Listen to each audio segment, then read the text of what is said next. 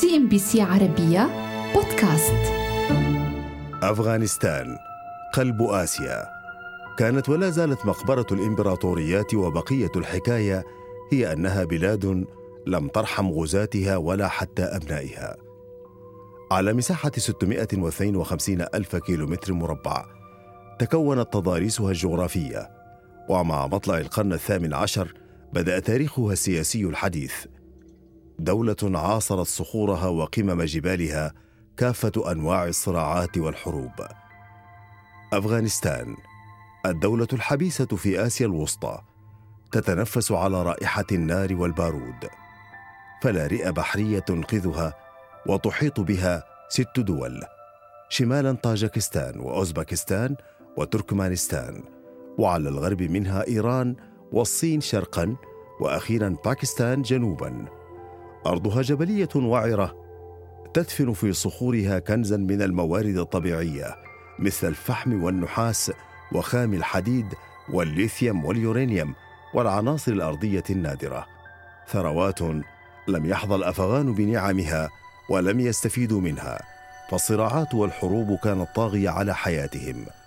أفغانستان التي حركت الهواجس البريطانية قديما والأطماع السوفيتية في آسيا الوسطى في عام 1978 تم الإعلان عن جمهورية أفغانستان الديمقراطية لتعيش عقبها تجربة مريرة من الحرب الأهلية.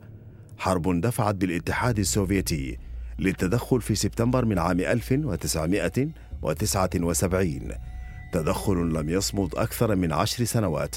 الأمر الذي اعتبرته أمريكا على أنه جزء لا يتجزأ من حربها الباردة مع السوفيت. وعليه جاءت عملية سايكلون كواحدة من أطول وأغلى العمليات السرية لوكالة المخابرات المركزية الأمريكية على الإطلاق. بدأ التمويل بمبلغ 20 إلى 30 مليون دولار سنويا في عام 1980 وارتفع إلى 630 مليون دولار سنويا في عام 1987 ولم يتوقف الدعم عند المال بل كذلك تم تقديم دعم عسكري. وفي عام 1988 بدأت تطفو صراعات طاحنة بين الحركات الجهادية في أفغانستان. أدخلت البلاد في دوامة حرب أهلية. استمرت في جميع المناطق وفي تلك الأثناء وبين الجبال والكهوف. في ولاية قندهار نشأت حركة طالبان عام 1994 لتتمكن عقبها من السيطرة على أفغانستان. بقيادة البلة محمد عمر. وما هي إلا سنوات قليلة حتى سيطرت الحركة على 90% من البلاد. وبالرغم من التطورات التي كانت تعيشها أفغانستان في ذلك التوقيت إلا أن الولايات المتحدة لم تمانع أو بالأحرى لم تتدخل في ذلك خاصة عقب هزيمة عدوها الاتحاد السوفيتي. لكن في ليلة وضحاها انقلبت الصورة. وفي خريف 2001 أعلنت واشنطن حربها على الإرهاب الدولي. وكانت البداية عبر البوابة الرئيسية لجنوب آسيا أفغانستان. إثر هجوم الحادي عشر من سبتمبر الشهير.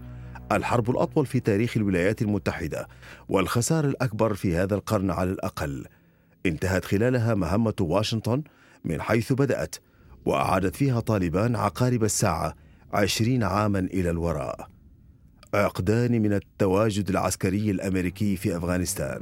شارك فيها نحو 775 ألف أمريكي. منذ عام 2001 حرب راح ضحيتها 2500 جندي أمريكي بالإضافة إلى نحو أربعة ألاف متعاقد مدني أمريكي. أما السلطات الأفغانية التي شاركت برعاية من واشنطن في الحرب ضد طالبان فأخفت أرقام قتلاها لكن مشروع تكاليف الحرب يرجح أن يكون عددهم بين 66 و 69 ألف قتيل. عقدان من الزمن تكبدت فيه الولايات المتحدة خسائر مادية وبشرية دون تحقيق أهداف مهمتها ولو على صعيد التنمية الإنسانية والاجتماعية والاقتصادية. فالمنطقة الخضراء حيث يتمركز الأمريكيون في كابول كانت دائما مضاءة وسط ظلام دامس يخيم على بقية المناطق. البلد الأفقر عالميا.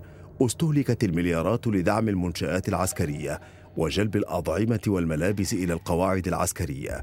36 مليار دولار أنفقتها واشنطن في مشاريع إعادة الإعمار والتعليم وتجهيز البنية التحتية بحسب تصريحات المفتش العام الخاص بإعادة إعمار أفغانستان. لكن تلك الأموال ذهبت أدراج الرياح دون أن تنعكس على حياة ومعيشة الأفغانيين. عشرون عاما بقيت القنوات والسدود والطرق السريعة في حالة مزرية وظلت المستشفيات والمدارس خالية.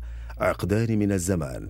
أنفقت خلالها الولايات المتحدة تريليونين ومئتين وستين مليار دولار في أفغانستان وفق مشروع تكاليف الحرب. شملت الفاتورة 815 مليار و700 مليون دولار كتكاليف مباشرة للقتال و88 مليار دولار لتدريب القوات والشرطة الأفغانية وتجهيزها لمواجهة حركة طالبان والقاعدة. مقابل ذلك استمر تبادل التهم بين الأمريكيين والحكومة الأفغانية حول مسؤولية الفشل في تنمية أفغانستان. هذه البلاد التي تدفن في أعماق أراضيها كنزا من الثروات التي لو قدر للأفغانيين استثمارها لكانت بلادهم في مصاف الدول الناشئة على أقل تقدير.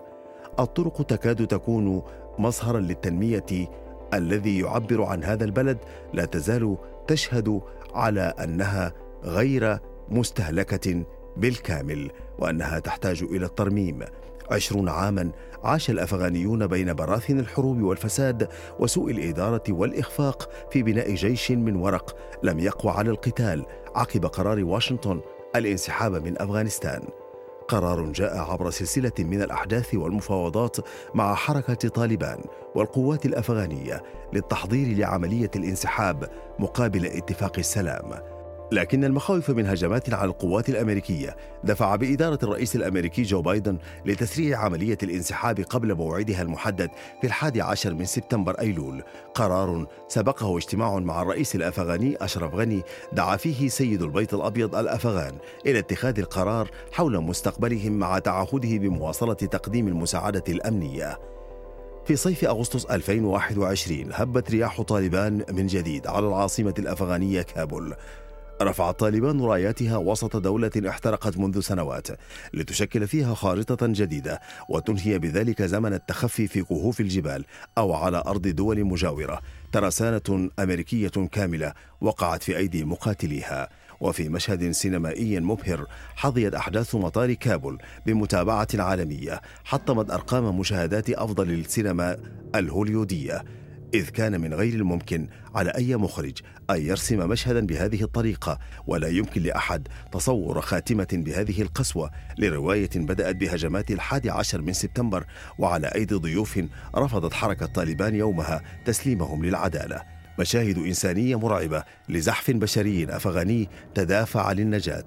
ولو كان طوق النجاة التعلق بعجلة أو جناح طائرة قادرة على نفض من عليها وإسقاطه من حيث أتى. مشاهد أحداث مطار كابول محزنه مشاهد الرحيل لم تقتصر على العسكريين بل لاحقت الأفغان والخوف المطل من أعينهم. خوف دفع بهم لإلقاء أطفالهم بين أحضان القافلة المغادرة. مشاهد ستبقى ماثلة في الأذهان وسيوثقها التاريخ على صفحاته. وفي الخامس عشر من أغسطس من العام 2021 تسمرت أنظار العالم على الشاشات لمراقبة ما يجري في مطار كابول ومحيطه. قرار المغادرة تسربت عدواه إلى رئيس البلاد أشرف غني الذي لاذ بالفرار بذريعة حقن الدماء وتسليم البلاد دون الدفاع عنها. وبلمحة البصر انهارت المؤسسات التي كانت الإدارات الأمريكية المتعاقبة تباهي ببنائها وبما أنفقته عليها موحية بأن عهد طالبان صار مجرد مرحلة من الماضي غير قابلة للتكرار. عشرون عاما لم تحل فيه أزمات أفغانستان. عشرون عاما يقف العالم حائرا في كيفية التعامل مع طالبان والجميع يراهن فيما إذا كانت اليوم هي نفسها طالبان الأمس لتبقى الإجابة حبيسة جبال أفغانستان. عشرون عاما مضت ولا زال واقع الأفغان يقطر دما ودموعا. وكأنه كتب على هذه البلد أن تكون ميدان حرب تعددت فصوله دون نهاية. CNBC عربية بودكاست.